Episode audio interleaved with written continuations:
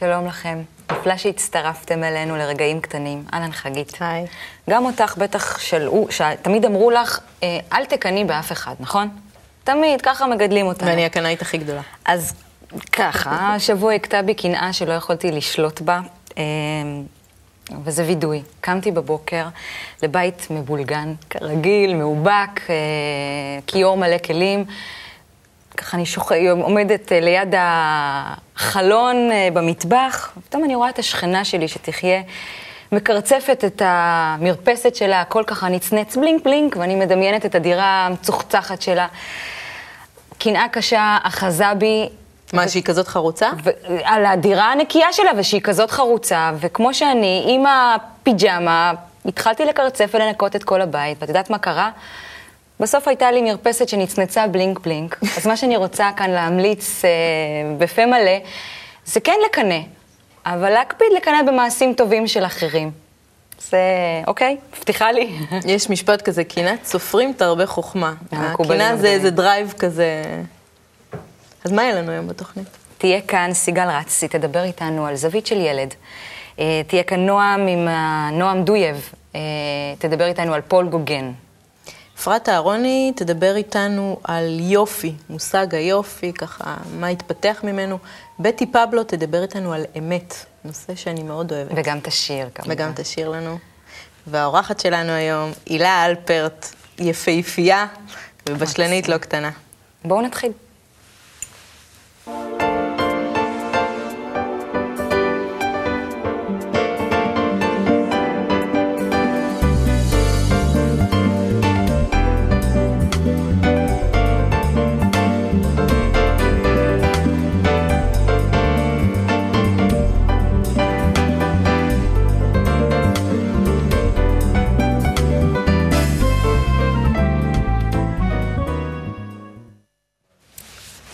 פרטוש, איזה דג הבאת לנו היום. דג עסיסי ויפה. אה, לא מזמן ככה ראינו בטלוויזיה את אה, טקס בחירת מלכת היופי. אה, אנחנו יכולים לראות פה על המסך את הזוכה היפה ומאושרת, אה, עדי, שבאמת אה, זכתה בתואר הנכסף. נהיה קצת פסה הטקס הזה. לא, דווקא הוא נהיה נורא אין, אבל לא באמת? רק בטלוויזיה. שימי לב, עכשיו גם אנחנו יכולות להתמודד אה, למלכת היופי. בכתבה הבאה, מי תהיה מלכת היופי של פייסבוק. כל אחת. בלי קשר לגובה, למשקל וליופי, יכולה להגיש מועמדות בפייסבוק. אה, באמת- לרטש קצת את התמונת פרופיל שלה. כן, ו- בפייסבוק זה קל, צריך לשים רק תמונה, לא רואים אותנו. אה, וזה באמת משהו שהוא בשיתוף עם אה, סוכנות דוגמנות, ויעשו תחרות, ויבחרו את המועמדות, וייתנו להם אה, קמפיינים ובוק וכולי וכולי.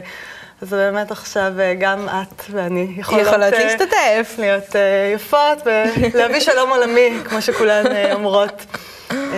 אנחנו רואים באמת שיופי זה נושא שמאוד מעסיק אותנו, ככה משחר האנושות כולם מתעסקים ביופי ואסתטיקה, באופנה, באיפור, זה משהו שתמיד התעסקנו בו.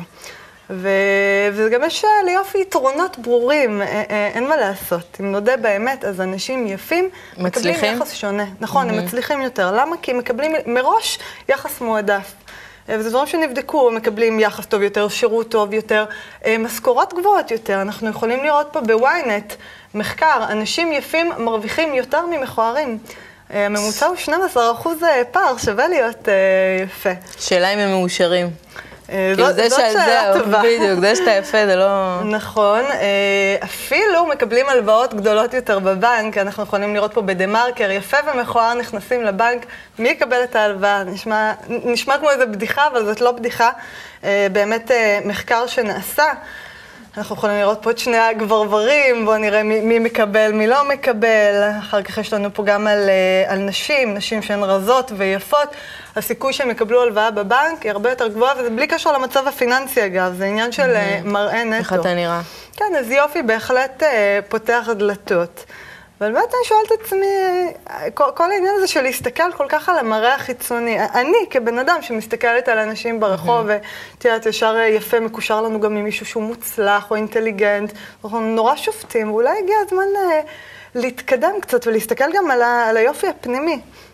אני דווקא, את יודעת, אני מסתכלת על בן אדם שהוא יפה, אז אני ישר אומרת, נראה לי שיש פה איזשהו תסבוך, את יודעת, זה כאילו תיק גם להיות יפה. כשאתה פחות יפה, אז אתה כאילו בן אדם רגיל, אבל כשאתה יפה, אז זה לא רק... אה, אבל עדיין, הדבר הפנימי הוא מה ש... כן, אני אומרת, היופי הוא נורא משחק תפקיד, ואולי אה, להסתכל גם על יופי הפנימי, את יודעת, זה לא, יופי פנימי זה לא משהו שאתה יכול לצבוע אותו, לאפר אותו אה, ו- ולנתח אותו בניתוחים פלסטיים. זה משהו שבאמת בן אדם צריך לעשות מאמץ בשבילו. אה, אנשים שהם באמת אה, תורמים ונותנים וככה, באמת יותר טובים לחברה. אה, חוץ שאני חושבת ברמה האישית, שאם יורידו מאיתנו קצת את הנטל הזה של להיות אה, יפות, נשים נכון. שבאמת כל הזמן חייבות להיות טיפ-טופ ומאופרות ומתוקתקות תמיד. נוכל להתפנות כאילו- לדברים אחרים. כן, זה ייתן לנו קצת באמת להתעסק בפנימיות, שאנחנו לא כל הזמן צריכות לדאוג על איך אנחנו נראות, זאת אומרת, באמת כי להשקיע... ככה החברה דורשת. כן, להפסיק להתכסות כל הזמן, וזה, זאת אומרת, להמשיך, אבל אסתטיות, במידה, כן. בפרופורציה, לא, לא. בטירוף. תודה. כן. סיגל, מה שלומך? טוב, מאיה. מה זה מזווית של ילד? אה, אני אספר לך סיפור קטן. אה, שבוע שעבר חברה שיש לה ילד בגיל של ילד שלי, הזמינה אותנו לבילוי אחר הצהריים. אה, תמיד אנחנו נענים בשמחה לכאלה הזמנות, כי את יודעת, זה האימהות יחד, הילדים, יש מה לחלוק, תמיד אתה מגלה דרך הילדים ככה כל מיני דברים מיוחדים. היינו ככה עם ילדים, שיחקנו, אחר כך הילדים התיישבו להם, רצו לשנות אווירה, הם הדליקו לעצמם אה, DVD, הם שולטים בזה בצורה נפלאה, ילדים קטנים. ואנחנו שתינו קפה ככה, היינו איתם בזווית, בקשר עין, אבל לא ממש איתם בפעילות. ופטפטנו לנו והכל, וככה.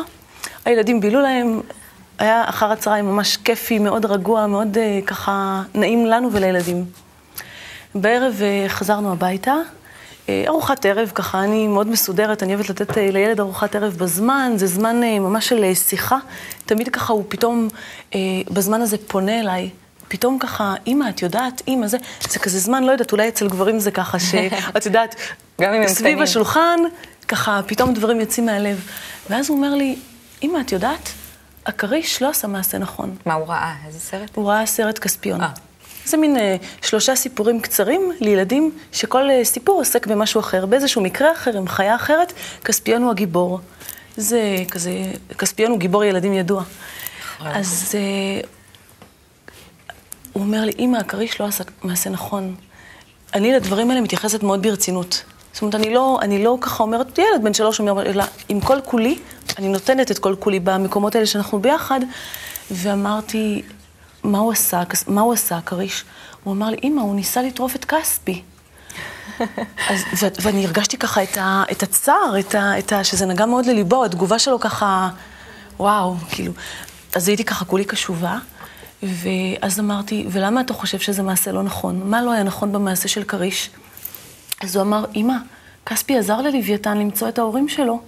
הסיפור שלפני מספר על כן. ככה שכספיון, הדג הנוצץ הזה, שכולם ככה אה, מעריצים אותו על, על טוב הלב שלו, איך הוא עזר ל, ללוויתן הענק למצוא את ההורים שלו, ככה שהוא נורא נורא בכה והתגעגע להורים.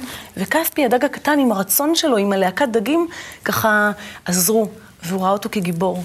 גיבור טוב. גיבור טוב. אה, זהו, זה העלה לי הרבה מחשבות. הסיטואציה הזאת, את יודעת, הרגעים הקטנים שאצלנו בבית, ושאלתי את עצמי בעצם, אה, מה, מה, איך ילד נחשף לדברים, איך הוא קולט את, ה, את הסביבה שלו, את הוא רוצה הניואנסים. שהטוב ינצח. מאוד רוצה, מאוד.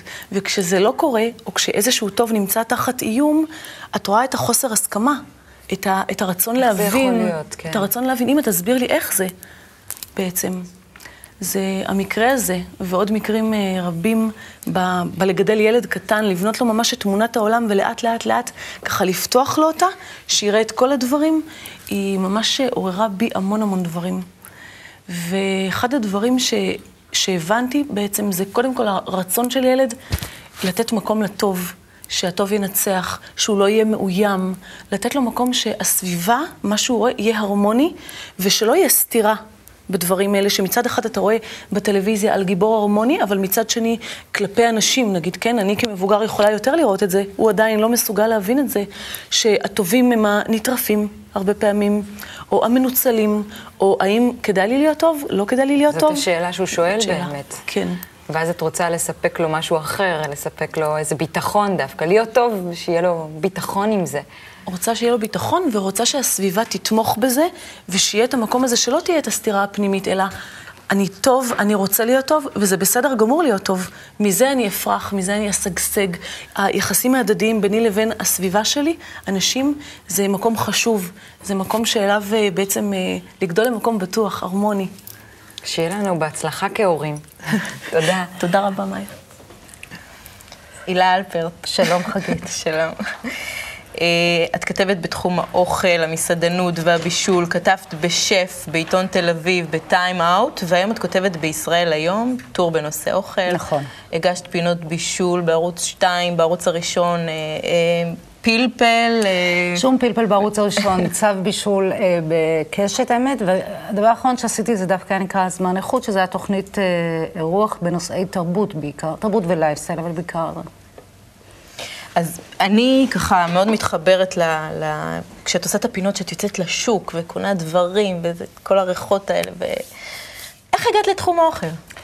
אמ, אני גדלתי בקיבוץ, ובשנים שבהן, אה, לא רק באוכל, בכלל, הסיפור של טעם אישי היה דבר שהוא היה אה, מוקצה.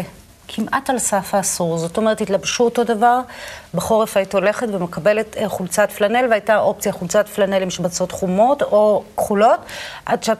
עד שהגיע תורך, גם בדרך כלל הכחולות נגמרו, אז יכולת לבחור בין חום עם בכי או חום ברוח טובה. היה באמת איזשהו עניין של... אה, שטנץ אחד לכולם. אוכלים מה שיש, וצריך, את גם צריכה לקחת, את גם צריכה לגמור מהצלחת, בגלל, את יודעת שבשואה לא היה, וכי בהודו ילדים מתים מרעב, וזה באמת חברות כמו, חברות ששמרו על עצמן, באמת אה, היה מין סייג, שלא לתת אה, פתח לטעם אישי, כי אוי ואבוי לאן זה עלול להתפתח. ואיך בתוך כל זה מצאת את במקביל, רבע שעה, משם מתקיים המטבח של סבתא שלי, סירים, הרבה מאוד יער של סירים. מאיזה עדה היא? מרוקאית. אבא שלי אמריקאי, חצי רוסי, חצי גרמני, אבל המשפחה שלו נשארה בארצות הברית, וש... ולכן גם לא הייתה כל כך השפעה.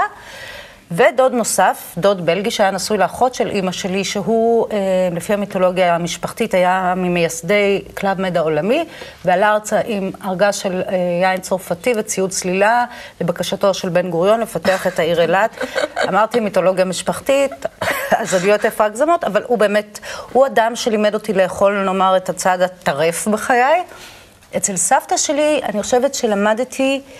את העניין הזה שבן אדם, אה, אה, כשבן אדם בונה ביס על המזלג, יש פה ביטוי אישי מאוד מאוד ברור. הייתה עומדת כזה, מסתכלת על כולנו, שולחן גדול, והיא הייתה אומרת לי, אם את לא רוצה, אל תגמרי, הגוף שלך זה לא פח זבל, שזה, את יודעת, וואו, זה ההפך לחלוטין כן. מאיפה שבאתי. אני תמיד אומרת שאילו סבתא שלי הייתה תופרת, אני מניחה שהייתי באופנה וכן הלאה. זאת אומרת, זה היה מקום אה, לבטא את עצמך, מקום ראשון, שזה היה לגיטימי, שזה היה... האוכל נראה דרך אחרת. Mm-hmm. ומה זה באמת אוכל בשבילך? אה, זה כלי ביטוי, אה, זה כלי לאהוב. אני גם נורא אוהבת לאכול, אני, זאת אומרת, אני אוהבת את הטעם, אני אוהבת את השובע שהוא מביא איתו, אם כן, אני גם אוהבת את ה... אני חושבת שמאוד חשוב לדעת לקום השולחן עם געגוע לאוכל. בכלל, מידה של געגוע, מידה של רעב, זה אה, דבר מאוד מאוד חשוב. הוא מאוד חשוב אה, לי, אני חושבת שהוא בכלל דבר נכון. שרגע לפני שאתה מתפוצץ, אתה ככה קם ו... יש משהו בשובע שהוא חותם את העניין, הוא משאיר אותך אה, בלי סקרנות, אה, בלי תשוקה. התענוג נגמר פשוט. זה לא רק זה, זה כאילו משהו... קראתי איפשהו שאמרת, יש אמונה שלאוכל יש כוח, שהוא יכול לעשות דברים. אני מכירה את הכוח של הקלוריות. תשמעי, במשך הרבה מאוד שנים.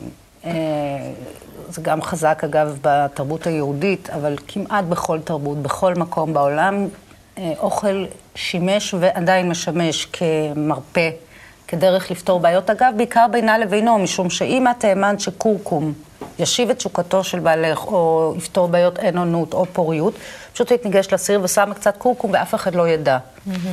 אנחנו, יש הרבה מאוד אה, פילגשים, בחצרות מלוכה למשל, השאירו אחריהם אה, אוצר של אה, מתכונים, כי פילגש לא יכלה לבסס את מעמדה דרך ילד, אוקיי? אז מה שהיא עשתה, היא פשוט אה, עשתה מאמצים מאוד גדולים על מנת, אה, את יודעת, להישאר כמה שיותר אה, נחשקת ורצויה על ידי אה, המלך או האציל.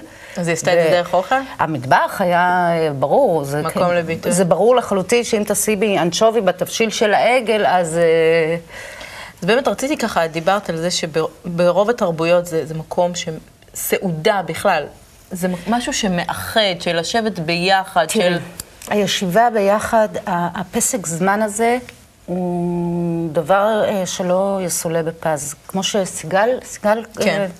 תחדשי אל הפינה. כמו שסיגל אה, אמרה קודם, זה איזשהו רגע שבו היא יכולה לשבת ולדבר עם הבן שלה, ויש משהו בזה שקודם כל יושבים. לא עסוקים במיליון דברים אחרים. כן, עכשיו אני, זה, זה מתנגש מאוד בעניין של אין מסיחין בשעת הסעודה, אבל מסיחין ועוד איך. זה המקום, את אומרת. אני חושבת שכן, יש משהו ברגע הזה, שזה גם המקום הזה, זה גם המקום אה, של, אה, הוא מקום מצוין להביע השתדלות ברמה היומיומית. זה לא שאת חייבת להיות אהרוני או חיים כהן, אבל אני חושבת שכל הורה חייב למצוא את המקום שבו הילד שלו יחווה מאמץ, את המאמץ שלו. זה יכול להיות בזה שתעשי אה, תחפושת ולא תקני אותה, זה יכול להיות אה, בזה שתציירו ביחד. אבל יש משהו באוכל, בגלל שהוא יומיומי והוא כל כך בסיסי, שאני חושבת שעדיף לא לגדל את הילדים עם התמונה החוזרת של לגזור שקית של טבעול ולפתוח ולחמם, למרות שאני אומרת שגם זה יכול לקרות מדי פעם כמו שמתקשרים ומזמינים אוכל, אבל לא רק. כלומר, יש, יש בזה שאימא עומדת ומכינה משהו לילד שלה, אפילו אם זה חביתה, אימא, האבא והילד גם לאימא, אבל ההורים בהחלט כן. כן, ואז הילד רואה שאימא עושה משהו, כאילו בשבילו נותנת לו זה, איזשהו... האוכל, זה לא האוכל, זו ההשתדלות. אז באמת, אנחנו רואים היום מגמה של הרבה נשים שיוצאות, עסוקות, עושות קריירה, אין להן סבלנות למטבח. אין להן את הקטע הזה, כלומר, אני זוכרת את אימא. שלי. זה המאמץ. זה המאמץ. כלומר, לש- תראי, גם יש, יש המון דרכים אה, אה, טכניות אה, לפתור את זה. את יכולה לקום, לזרוק משהו, את יודעת, שלושה מרכיבים בסיר ולהשאיר על אש קטנה, או שהבית נשרף ואז הבעיה פתורה, או שכשאת חוזרת יש תבשיל, או יש באמת, אה, את יודעת, להחזיק מזווה חכם, ובשתי תנועות אה, לעשות את זה. אני לא אומרת שזה פשוט, אני לא אומרת שזה קל, זה גם לא חייב להיות יומיומי. זאת אומרת, אתה לא צריך... אה, האמת היא שהעולם המודרני לא נתן פתרון. אנשים בעצם הלכו החוצה, כשהעורף, הבית, אה, לא באמת שינה את הציפיות שלו. ואני מדברת על אה, יחסי אישות, ואני מדברת על ניקיון, ואני מדברת גם צריכות- על... אה, אנחנו צריכות לעשות את הכל וגם בחוץ. כן, ו- וגם, ובנוסף, אנחנו התנתקנו מהמשפחות הגרעיניות. זאת אומרת, פעם יכולתי, אה, לא יודעת מה, גם לעבוד, גם הזה, ואם אני לא הייתי, אז הייתה שם אימא שלי ואחות שלי, או, או חמתי, או המבנה הזה, גם הוא התפרק. נכון. עכשיו, אם אתה עשיר, או... אז יש לך עוזרת אז אתה יכול פיליפינית. לקחת אופר, ו... או זאת אומרת, ל- למצוא לפחות אה, לחלק מהמטלות מישהו שיעזור לך. אבל אם לא, זה לא טוב לאור הפנים, אני אומרת לך. גם, אני, אני חושבת שבכלל, גם כשאת מבשלת לגבר, מבשלת לילד, את, את נותנת משהו, את, את מראה שכאילו זה משהו מאוד משפחתי. תראי, זה... אה, בלי ספק. אני גם אצלי, את יודעת, זה, אני... כשאני מדברת על הדברים האלה, אני לא רק מדברת מהמקום שלי, כי במקום שלי באמת אה, לבשל זה סוג של נתינה, סוג של שפה, סוג של... אה, וגם גם אה, לפרקים זה בא ממקום של אגו, בהחלט. כשאתה מבשל כמקצוע, או כשאתה מכין, אתה רוצה שיהיה נורא טעים. שכולם יגידו וואו, איזה אני אוכל." מבשלת לפעמים בטלוויזיה, וזה יכול להיות שידור איום ונורא מהבחינה הטלוויזיונית, אבל אם יצא טעים, אם בפה זה טעים, אני מבסוטה. כי ה... אבל כשאת מבשלת לילדים שלך, פה כבר אין כל כך אגו. מה את מרגישה שאת נותנת להם? נראה לך שאין אגו?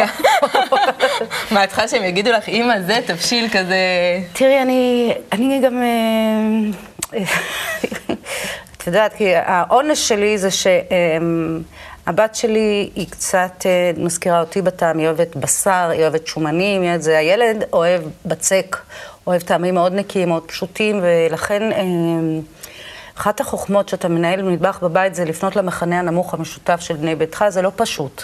אצלי זה שניצל ופסטה, המחנה המשותף. תראי, גם הסיפור הזה של שניצל ופסטה, בואו נדבר על זה רגע. אני חושבת בפירוש שזה אה, תפריט שהוא לא נולד הרי מהילדים. זה ההורים אמרו, אה, ההורים, אה, ההורים ייסדו אותו, ההורים טפטפו אותו, ההורים מכוונים לשם משום שזה הכי פשוט, זה הכי קל, וגם אחרי זה אומרים, זה מה שילדים אוהבים.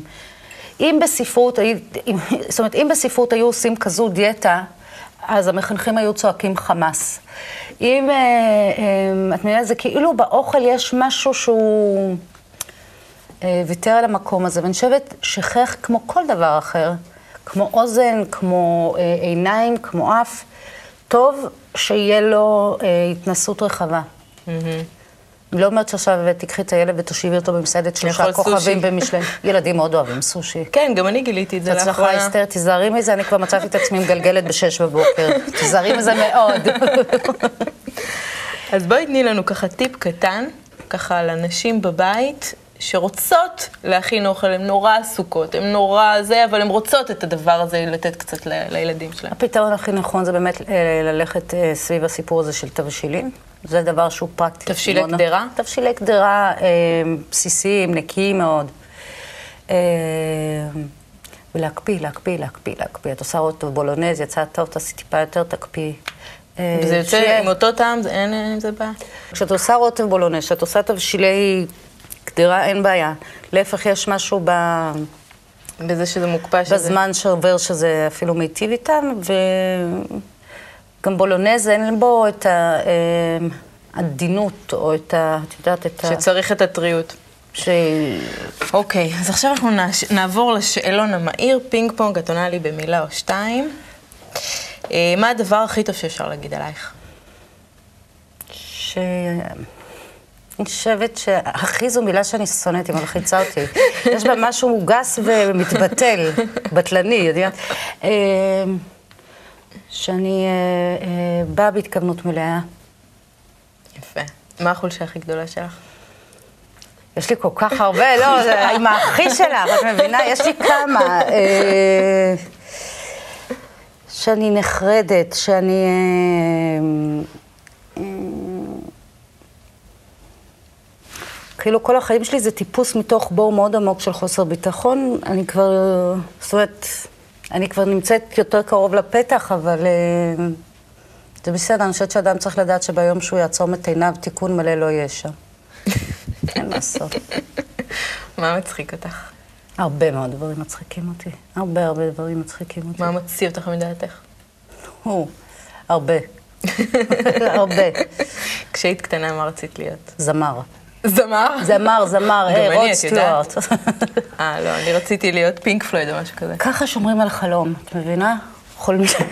האמת שבמציאות שלנו זה גם לא נכון. יכולתי להיות זמר, אם לא הייתי... יש אמצעים היום. כן. איפה תהיי בעוד עשר שנים?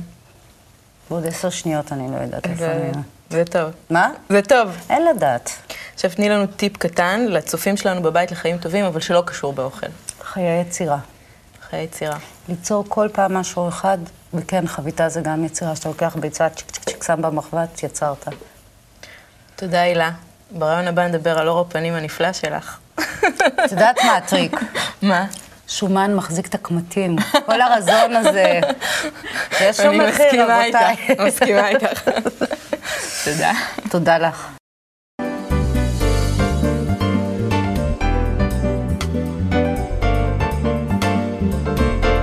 שלום נועם, שלום, מאיה. מה שלומך? מצוין. מה שלום. פול גוגן? הוא כבר לא יודעים. מתהפך בקברו עכשיו, אנחנו מדברים עליך, כבר גוגן. למעלה ממאה שנה מאז. שהוא נפטר.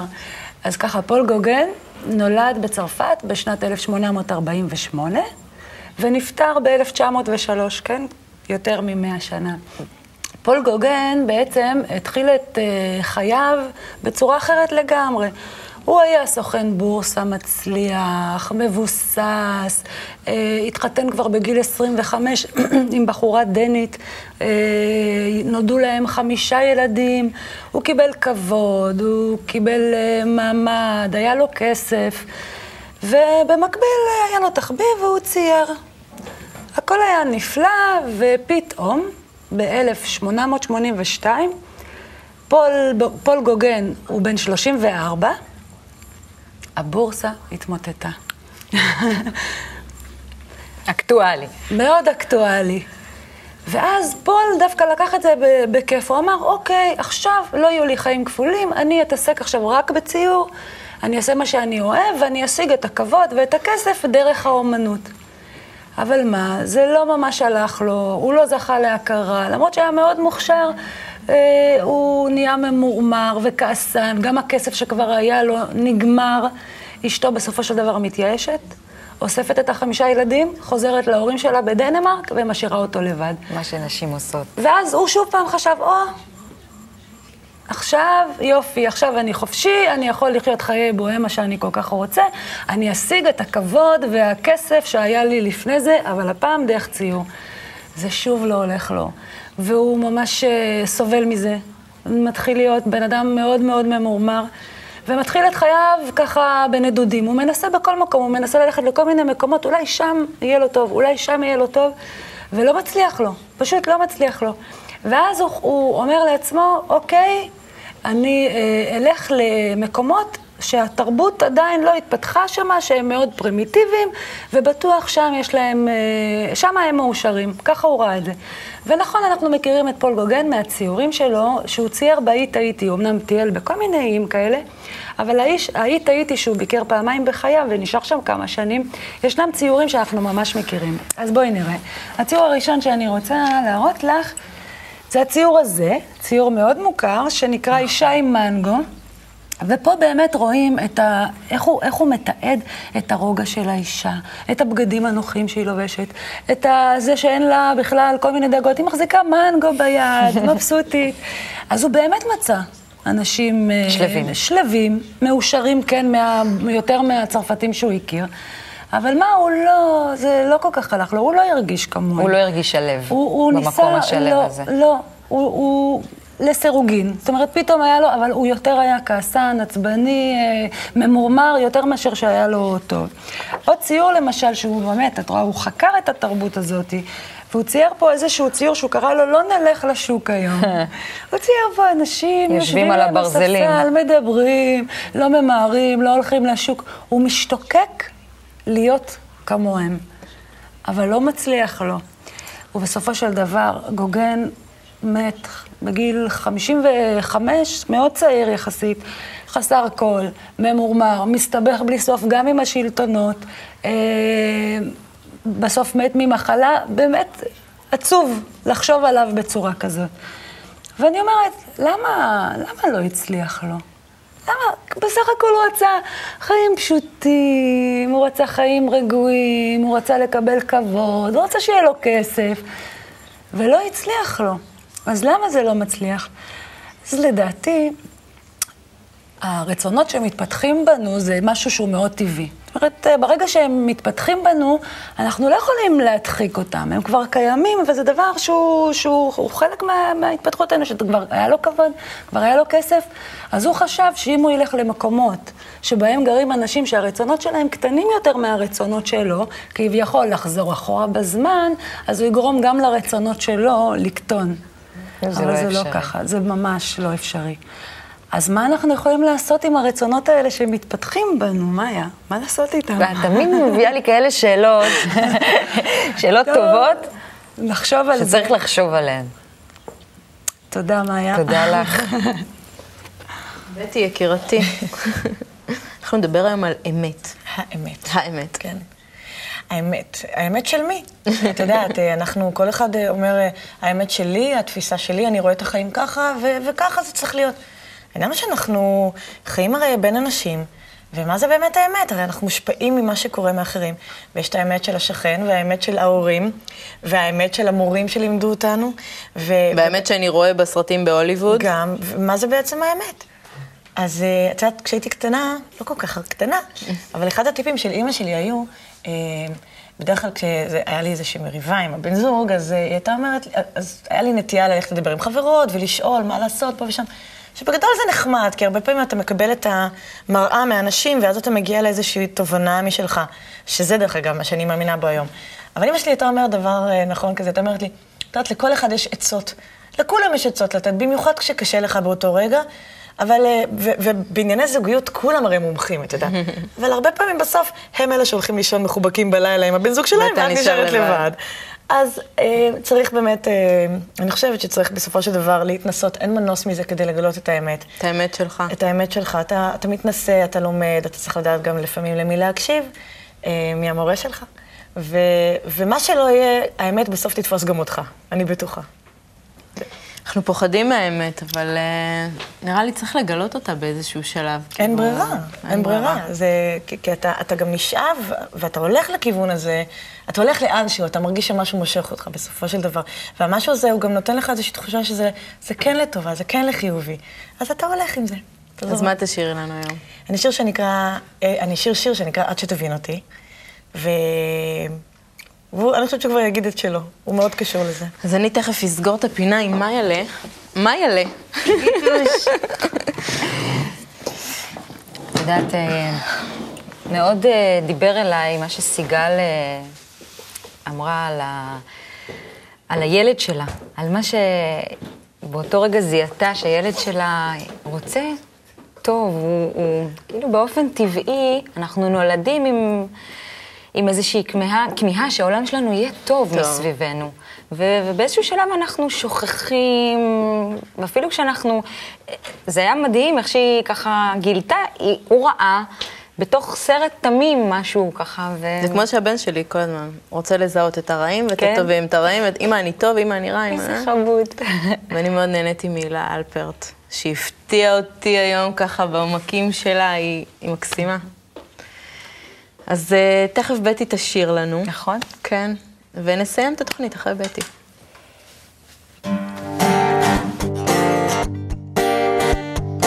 יש יופי בכנות, יופי בפשטות, אין לי סבלנות, אני לא יודעת לזייף, שיקרתי. בא לי להתפשט, לאבד את הראש, מה אתה צוחק מכל הציניות הזאת, נגמר לי.